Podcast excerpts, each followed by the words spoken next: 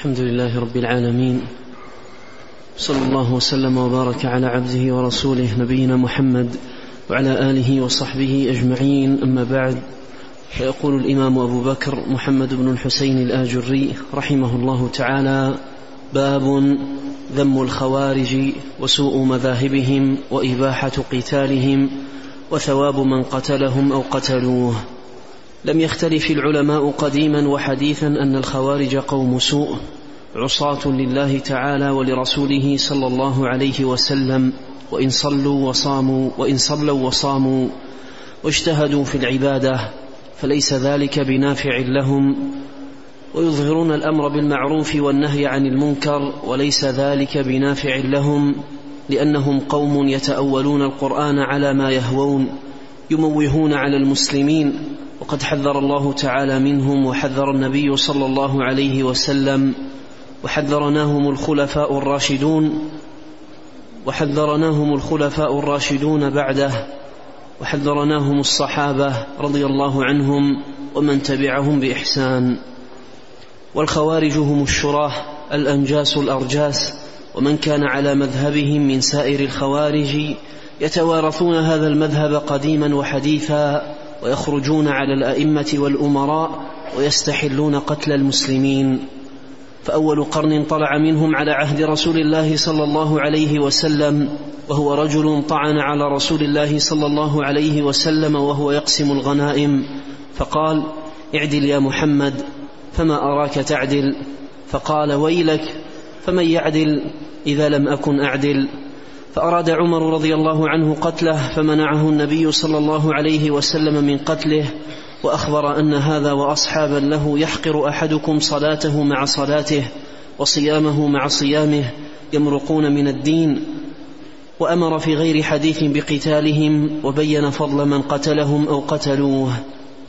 ثم إنهم خرجوا بعد ذلك من بلدان شتى واجتمعوا وأظهروا الأمر بالمعروف والنهي عن المنكر حتى قدموا المدينة فقتلوا عثمان بن عفان رضي الله عنه وقد اجتهد أصحاب رسول الله صلى الله عليه وسلم ممن كان بالمدينة في الا يقتل عثمان فما أطاقوا على ذلك رضي الله عنهم.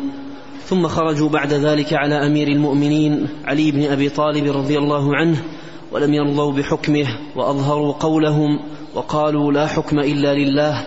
فقال علي رضي الله عنه كلمة حق أرادوا بها الباطل فقاتلهم علي رضي الله عنه فأكرمه الله تعالى بقتلهم وأخبر عن النبي صلى الله عليه وسلم بفضل من قتلهم أو قتلوه وقاتل معه الصحابة فصار سيف علي بن أبي طالب رضي الله عنه في الخوارج سيف حق إلى أن تقوم الساعة.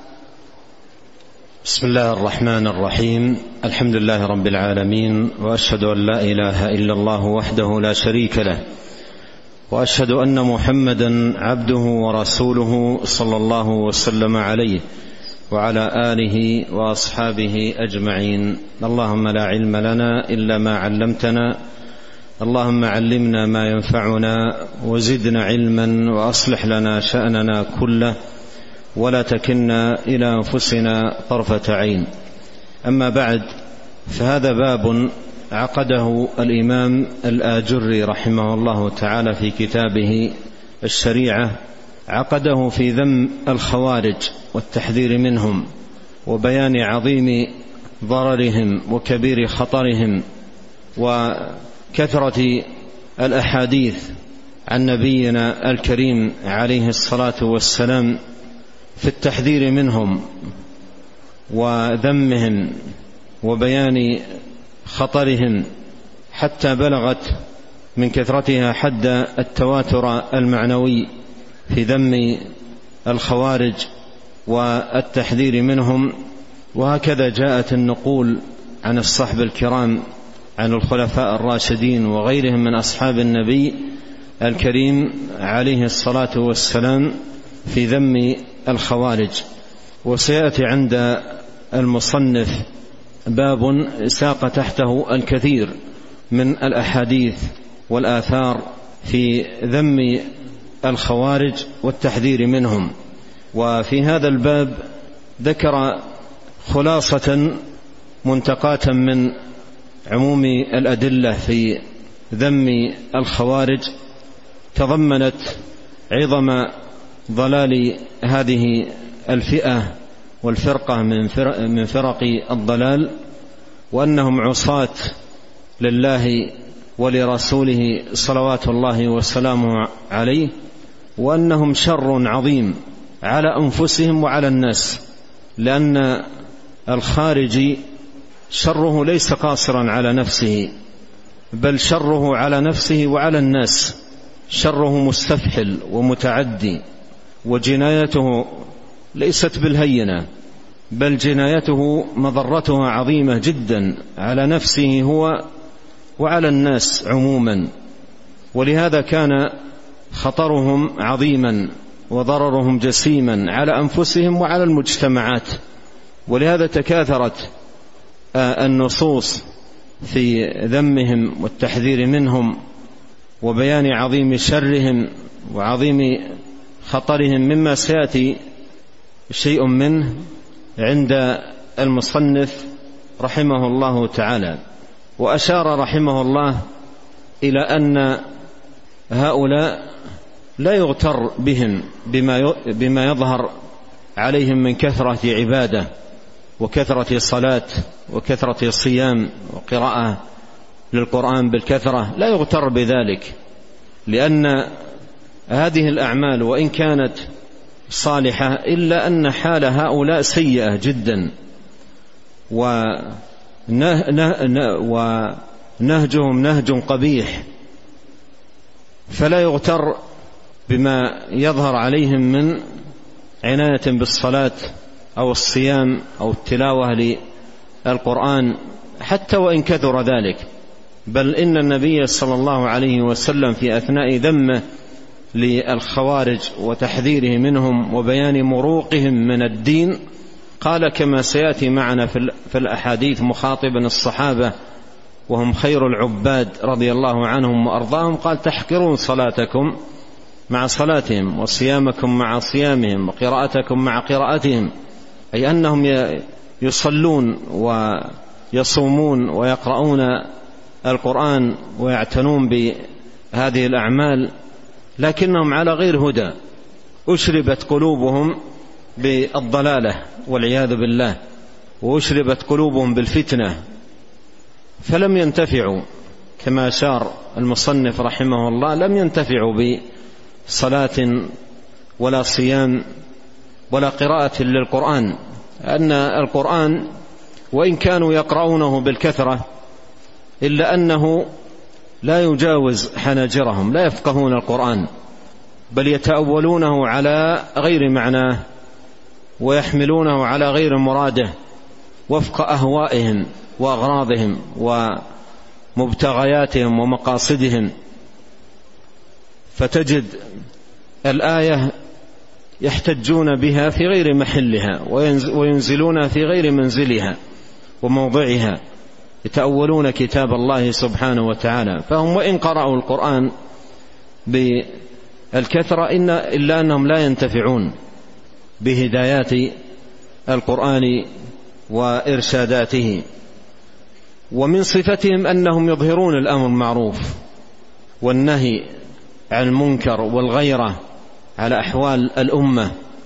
لكن لما كان لما كان حالهم على غير هدى كانت معاملتهم في الإنكار معاملة على غير هدى. والنتيجة أن عملهم إفساد لا إصلاح فيه. وإن كان في الظاهر إنكار للمنكر وعمل على القضاء على المنكرات والإجهاز عليها لكن لما كان عملهم على غير هدى أصبح آه، عملهم في إنكار في, في إنكار المنكر إفسادا. وتهييجا للفتن والشرور في في المجتمعات. ولهذا قال رحمه الله تعالى يظهرون الأمر المعروف والنهي عن المنكر. يظهرون الأمر المعروف والنهي عن المنكر وليس ذلك بنافع لهم. المعروف والنهي عن المنكر من من أعظم الأعمال ومن أهم الواجبات الدينية. وهؤلاء يظهرونه ومع ذلك يقول رحمه الله ليس بنافع لهم. لماذا؟ لأن أمرهم بالمعروف ليس بالمعروف. وإنكارهم للمنكر قائم على المنكر نفسه. فكان عملهم ليس قائما وفق مقاصد الشريعة ومقاصدها العظيمة وغاياتها الحميدة من جلب المصالح ودرء المفاسد. بل أعمالهم في غالبها الأعم جلب المفاسد على أنفسهم وعلى المجتمعات.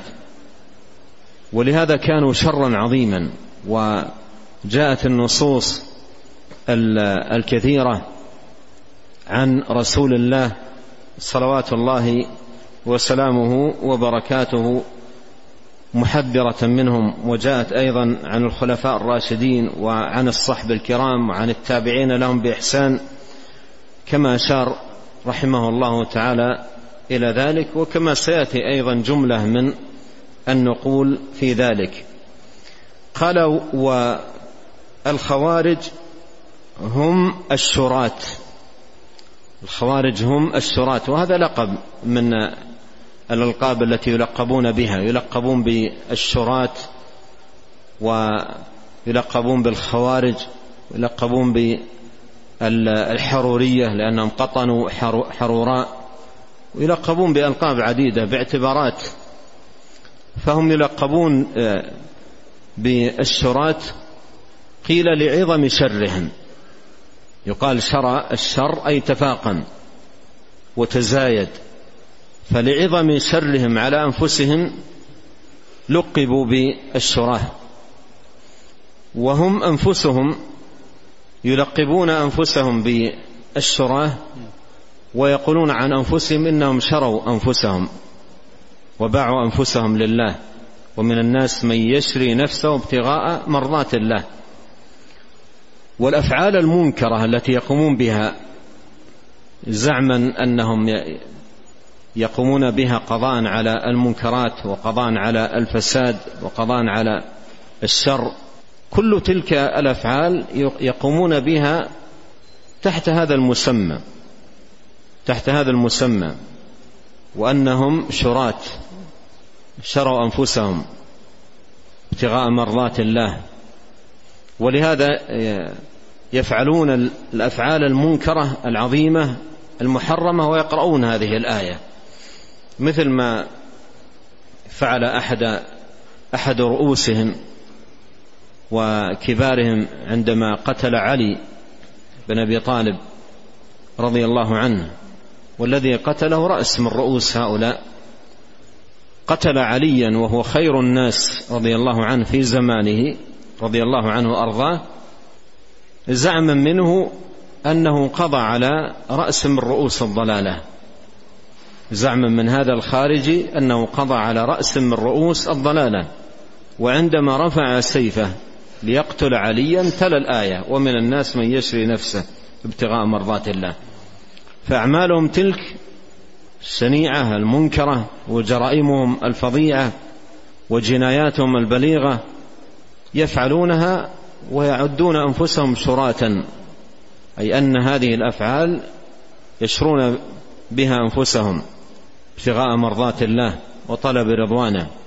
وهل يشترى رضوان الله بالفساد والإفساد والظلم والتجني على العباد والتعدي لحدود الشريعة والمخالفة لأحكام الله واتباع الأهواء والأغراض الدنيئة؟ بل والطمع في الدنيا أن كما سيأتي أن الغالب أن من وراء خروجهم طمعهم في الدنيا وكون قلوبهم أشربت في تحصيلها وحسدهم الشديد لمن أوتيها. وجاءت جاء هذا المعنى في بعض النصوص التي جاءت في ذمهم التحذير منهم. بل إن بدايات خروجهم إنما كانت بالطمع في الدنيا والعمل على تحصيلها. قال والخوارج هم الشراه الأنجاس الأرجاس ومن كان على مذهبهم من سائر الخوارج. يتوارثون هذا المذهب قديما وحديثا ويخرجون على الأئمة والأمراء ويستحلون قتل المسلمين. يقتلون أهل الإسلام ويدعون أهل الأوثان كما وصفهم بذلك النبي عليه الصلاة والسلام. قال رحمه الله فأول قرن طلع منهم على عهد رسول الله. أول قرن طلع منهم على عهد رسول الله صلى الله عليه وسلم. والخوارج قرون تنبت بين وقت وآخر في المجتمعات ولا يترتب على وجود هؤلاء أي منفعة للإسلام ولا المسلمين بل هم مضرة مضرة عظيمة جدا. ومن فضل الله سبحانه وتعالى لا ينبت قرن إلا ويقطع. لا ينبت قرن من قرون هؤلاء إلا ويقطع. فهم قرون قرون تنبت بين وقت وآخر. وأول قرن طلع من هؤلاء الخوارج على عهد رسول الله صلى الله عليه وسلم وهو رجل طعن على رسول الله صلى الله عليه وسلم وهو يقسم الغنائم. ويقسم الغنائم.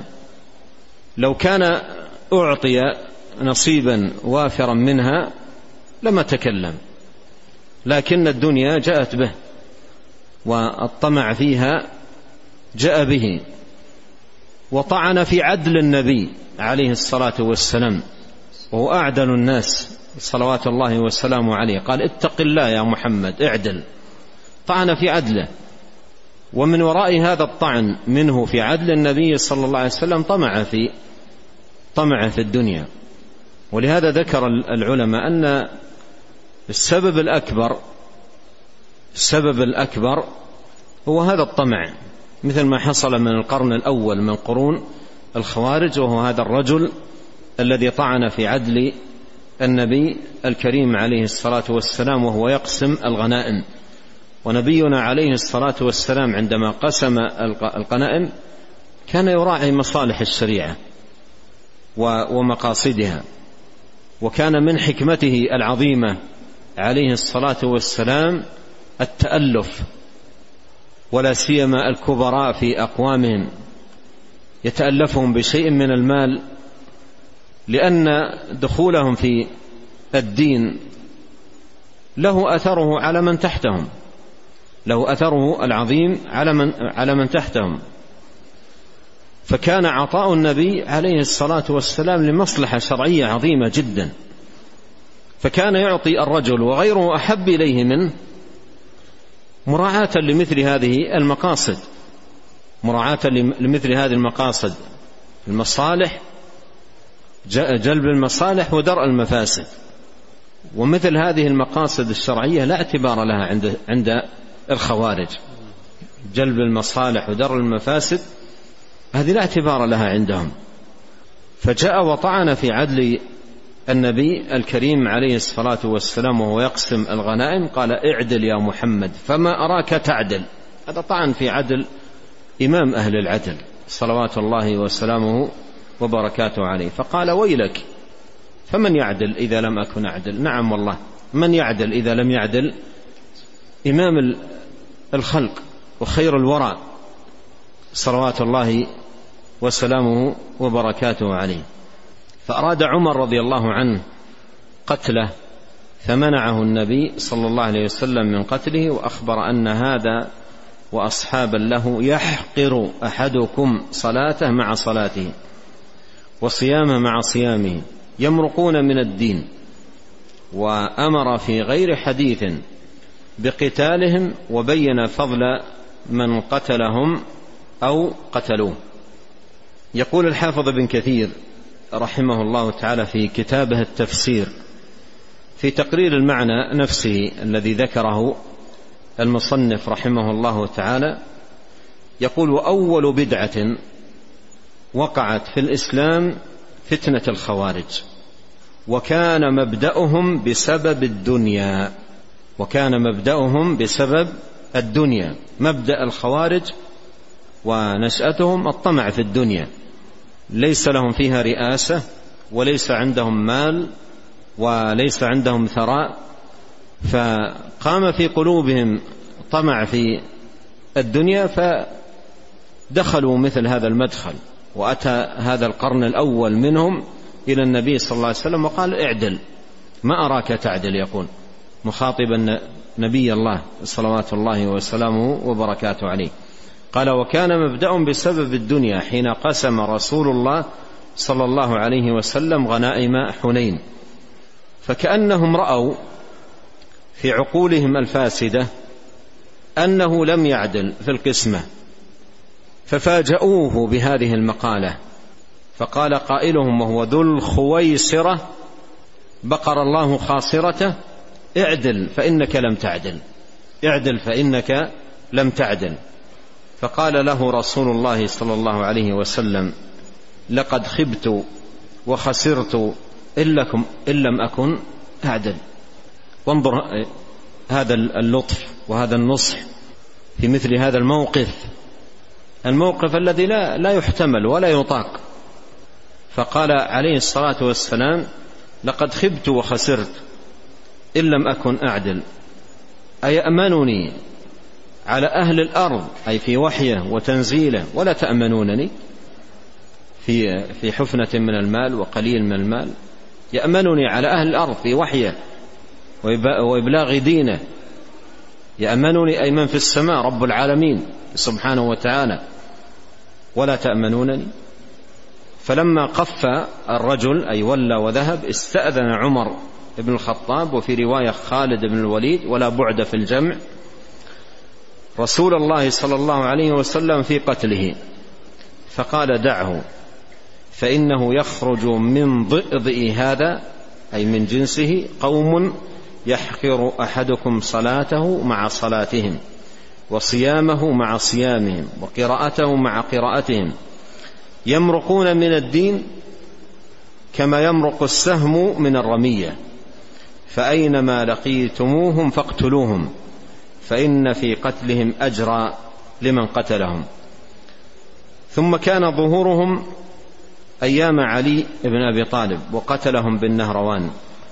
ثم تشعبت منهم شعوب وقبائل وآراء وأهواء ومقالات ونحل كثيرة منتشرة. ثم نبعت القدرية ثم المعتزلة ثم الجهمية وغير ذلك من البدع التي أخبر عنها الصادق المصدوق في قوله وتفترق هذه الأمة على ثلاث وسبعين فرقة كلها في النار إلا واحدة انتهى كلام الحافظ ابن كثير. رحمه الله تعالى.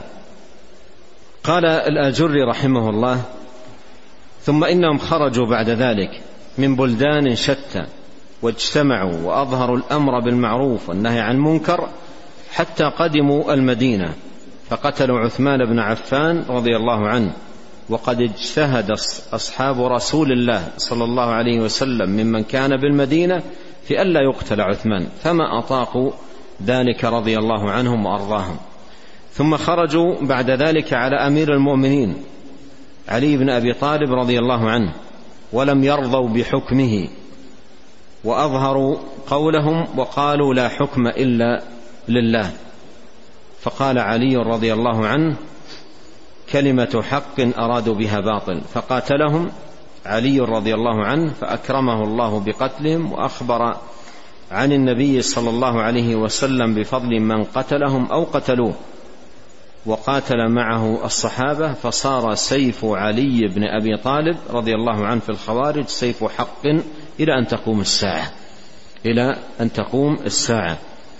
الحاصل أن الخوارج شرهم عظيم وبلاؤهم مستطير وجناياتهم فظيعة ومتعدية والنبي الكريم عليه الصلاة والسلام حذر منهم أشد التحذير في غير ما حديث وهذه مقدمة وخلاصة ذكرها رحمه الله تعالى ثم عقد بابا في سوق السنن والآثار في ذكرها في آه، بيان ما ذكره من خلاصة رحمه الله تعالى. نعم.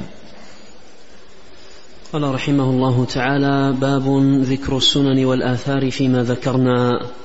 قال حدثنا أبو بكر بن أبي داود قال حدثنا عيسى بن حماد زغبة قال أخبرنا الليث بن سعد عن يحيى بن سعيد عن أبي الزبير عن جابر بن عبد الله رضي الله عنه قال أتى رجل رسول الله صلى الله عليه وسلم عند منصرفه من حنين وفي ثوب رسول الله صلى الله عليه وسلم فضة ورسول الله صلى الله عليه وسلم يقبض منها فيعطي منها. فقال يا محمد اعدل. فقال ويلك ومن يعدل إذا لم أكن أعدل؟ فقد خبت وخسرت إذا لم أكن أعدل. فقال عمر بن الخطاب رضي الله عنه يا رسول الله دعني فأقتل هذا المنافق. فقال معاذ الله أن يتحدث الناس أني أقتل أصحابي. إن هذا وأصحابه يقرؤون القرآن لا يجاوز حناجرهم يمرقون منه كما يمرق السهم من الرمية. قال وحدثنا أح... وقال وحدثنا أبو أحمد هارون بن يوسف هارون بن يوسف قال حدثنا ابن أبي عمر يعني محمد العدني يعني محمد العدني قال حدثنا سفيان بن عيينة عن أبي الزبير عن جابر عن جابر رضي الله عنه أن النبي صلى الله عليه وسلم كان يقسم الغنائم بالجعرانة. غنائم حنين والتبر في حجر بلال فقال له رجل يا رسول الله اعدل فإنك لم تعدل فقال ويلك فمن يعدل إذا لم أكن أعدل فقال عمر دعني يا رسول الله أضرب عنقه فقال لا دعه فإن هذا في أصحاب له يقرؤون القرآن فلا يجاوز تراقيهم يمرقون من الدين كما يمرق السهم من الرمية قال حدثنا أبو بكر عبد الله بن محمد بن عبد الحميد الواسطي قال حدثنا ابن المقرئ قال حدثنا سفيان بن عيينة عن أبي الزبير عن جابر رضي الله عنه أن النبي صلى الله عليه وسلم كان يقسم الغنائم بالجعران فقام رجل فقال اعدل فإنك لم تعدل فقال ويحك فمن يعدل إذا لم أكن أعدل فقال عمر رضي الله عنه دعني أضرب عنق هذا المنافق فقال دعه فإن مع هذا أصحابا له أو في أصحاب له يقرؤون القرآن لا يجاوز تراقيهم يمرقون من الدين كما يمرق السهم من الرمية. هذه الترجمة وهذا الباب عقده رحمه الله تعالى لسوق السنن عن الرسول صلى الله عليه وسلم والآثار عن الصحابة الكرام فيما ذكره رحمه الله من خلاصة في ذم الخوارج والتحذير منهم. وبدأ بدأ هذه الأحاديث بهذا الحديث عن جابر رضي الله عنه وساقه من طرق وهو أن رجلا أتى رسول الله صلى الله عليه وسلم عند منصرفه صلوات الله وسلامه عليه من حنين وفي ثوب رسول الله صلى الله عليه وسلم فضة. ورسول الله صلى الله عليه وسلم يقبض منها فيعطي منها. من هذه الفضة التي في في ثوبه. صلوات الله وسلامه عليه. وفي هذا العطاء كما قدمت يراعي قاعدة الشريعة في جلب المصالح ودرء المفاسد وتحقيق الخير وتأليف القلوب يراعي مصالح الشريعة العامة ومقاصدها العظيمة فهو يعطي بعدل وحكمة صلوات الله وسلامه وبركاته عليه. فقال يا محمد قال هذا الرجل وهو ذو الخويصرة التميمي كما جاء مصرحا باسمه في بعض الأحاديث ومنها حديث أبي سعيد الخدري الآتي عند المصنف رحمه الله قال اعدل يا محمد. فقال ويلك ومن يعدل إذا لم أكن أعدل؟ قول اعدل يا يا محمد. فيه ما سبق الإشارة إليه أن بداية فتنة الخوارج وأول ظهور قرن الخوارج كان من ورائه الطمع في الدنيا كان من ورائه الطمع في الدنيا. فلما رأى هذه الأموال تنفق لبعض الكبراء لمقاصد عظيمة كان ينفقها النبي صلى الله عليه وسلم لهؤلاء من أجلها جاء وطعن في عدل النبي عليه الصلاة والسلام ومن وراء طعنه في عدل النبي عليه الصلاة والسلام طمعه من وراء عدله طمعه في المال طمعه في المال. فبداية ظهور هؤلاء بداية ظهورهم هو هذا الطمع. ومذهب الخوارج مذهب متوارث. فإذا كان أولهم إنما برز قرنه طمعا في المال فخلفوه مثله خلفوا مثله. فلكل قوم وارث لكل قوم وارث. فقال يا محمد اعدل. فقال ويلك ومن يعدل إذا لم أكن أعدل؟ لقد خبت وخسرت إذا لم أكن أعدل. وهذا فيه من اللطف وعظيم النصح وعظيم البيان ما لا يخفى. وإلا في مثل هذا الموقف لا لا يحتمل. الصحابة رضي الله عنهم لم يحتملوا ذلك. قالوا دعنا نضرب عنقه. ومنعهم صلوات الله وسلامه عليه من ذلك. ففيه لطف النبي عليه الصلاة والسلام. قال ويلك ومن يعدل إذا لم أكن أعدل لقد خبت وخسرت إذا لم أكن أعدل. وفيه أن عدم العدل فيما وليه المرء من ولاية خيبة وخسران. ولهذا قال عليه الصلاة والسلام لقد خبت وخسرت ان لم أكن أعدل. لقد خبت وخسرت إذا لم أكن أعدل. قال فقام عمر فقال عمر الخطاب يا رسول الله.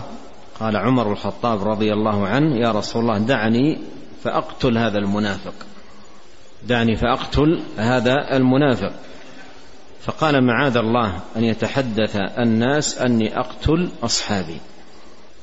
إن هذا وأصحابه يقرؤون القرآن لا يجاوز حناجرهم يمرقون منه كما يمرق السهم من الرمية.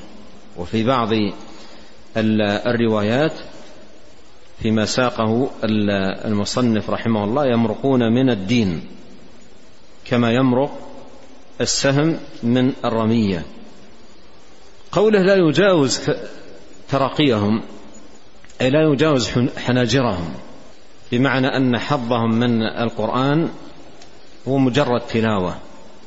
يقرؤون القرآن يقرؤون آه، القرآن لكن حظهم منه هو مجرد التلاوة. لا يجاوز الحناجر. يعني من الحنجرة فما فوق. وتحديدا حظهم من القرآن لا يتجاوز مخارج الحروف. تحديدا حظ من القرآن لا يتجاوز مخارج الحروف. من أقصى مخرج للحرف وما فوق. هذا حظهم من القرآن. فحظهم من القرآن هو مجرد التلاوة في حدود مخارج الحروف. أما قلوبهم وأفئدتهم لا حظ لها من هذا القرآن الذي هو الفقه التدبر والاهتداء بهدايات القرآن والذي لأجله أنزل أنزل ليهتدى بهداياته وليعمل به ولتتدبر آياته. كتاب أنزلناه إليك مبارك ليدبروا آياته وليتذكر أولو الألباب. لأجل هذا أنزل كتاب الله سبحانه وتعالى. فهؤلاء لا حظ لهم من ذلك ولا نصيب وإنما حظهم من الترقوة فما فوق من مخارج الحروف. أما الفهم والفقه والتدبر للقرآن فضلا عن العمل بالقرآن هذا كله لا حظ لهم منه ولا نصيب. قال يقرؤون القرآن. لا يجاوز تراقيهم يمرقون من الدين كما يمرق السهم من الرمية. وقوله يمرقون من الدين احتج به من قال بكفر الخوارج. احتج به من قال بكفر الخوارج وهم جماعة من أهل العلم. احتجوا بهذا وبأدلة أخرى جاءت عن النبي صلى الله عليه وسلم. ومن أهل العلم من قال إنهم عصاة وأهل ضلالة وأهل بدعة عظيمة وجناية بالغة لكن لا يحكم بكفرهم من أهل العلم من قال بذلك. ومنهم علي بن أبي طالب لما سئل أكفار هم. وقوله يمرقون من الدين إن كان المراد بالدين الإسلام فالمروق كفر. المروق من الإسلام كفر وخروج من الملة. وعلى هذا فهم الحديث من قال بكفرهم. وإن كان المراد بالدين الطاعة إن كان المراد بالدين الطاعة الطاعة لله ولرسوله عليه الصلاة والسلام فإن المروق هنا المروق هنا داخل في باب المعاصي ولا سيما المعاصي الكبار العظيمة. ما لم يكن الخروج من الطاعة يبلغ مبلغ الكفر. ما لم يكن الخروج من الطاعة يبلغ مبلغ الكفر. قال يمرقون من الدين كما يمرق السهم من الرمية. ساق هذا الحديث حديث جابر رضي الله عنه من طرق ثم ساق بعده رحمه الله تعالى جملة من الأحاديث في الباب نفسه نستكملها في لقاء الغد بإذن الله سبحانه وتعالى. ونسأل الله الكريم رب العرش العظيم بأسماء الحسنى وصفاته العليا أن ينفعنا أجمعين بما علمنا وأن يزيدنا علما وأن يصلح لنا شأننا كله وألا يكلنا إلى أنفسنا طرفة عين وأن يهدينا إليه صراطا مستقيما. اللهم آت نفوسنا تقواها وزكها. أنت خير من زكاها. أنت وليها ومولاها. اللهم إنا نسألك الهدى والتقى والعفة والغنى اللهم إنا نعوذ بك من منكرات الأخلاق والأهواء والأدواء. اللهم اعذنا والمسلمين أينما كانوا من الفتن ما ظهر منها وما بطن. اللهم اغفر لنا ولوالدينا ولمشايخنا وللمسلمين والمسلمات والمؤمنين والمؤمنات الأحياء منهم والأموات. اللهم اقسم لنا من خشيتك ما يحول بيننا وبين معاصيك ومن طاعتك ما تبلغنا به جنتك. ومن اليقين ما تهون به علينا مصائب الدنيا. اللهم متعنا بأسماعنا وأبصارنا وقوتنا ما أحييتنا واجعله الوارث منا. واجعل ثأرنا على من ظلمنا وانصرنا على من عادانا. ولا تجعل مصيبتنا في ديننا ولا تجعل الدنيا أكبر همنا ولا مبلغ علمنا ولا تسلط علينا من لا يرحمنا. سبحانك اللهم وبحمدك أشهد أن لا إله إلا أنت أستغفرك وأتوب إليك. اللهم صل وسلم على عبدك ورسولك نبينا محمد وآله وصحبه. جزاكم الله خيرا.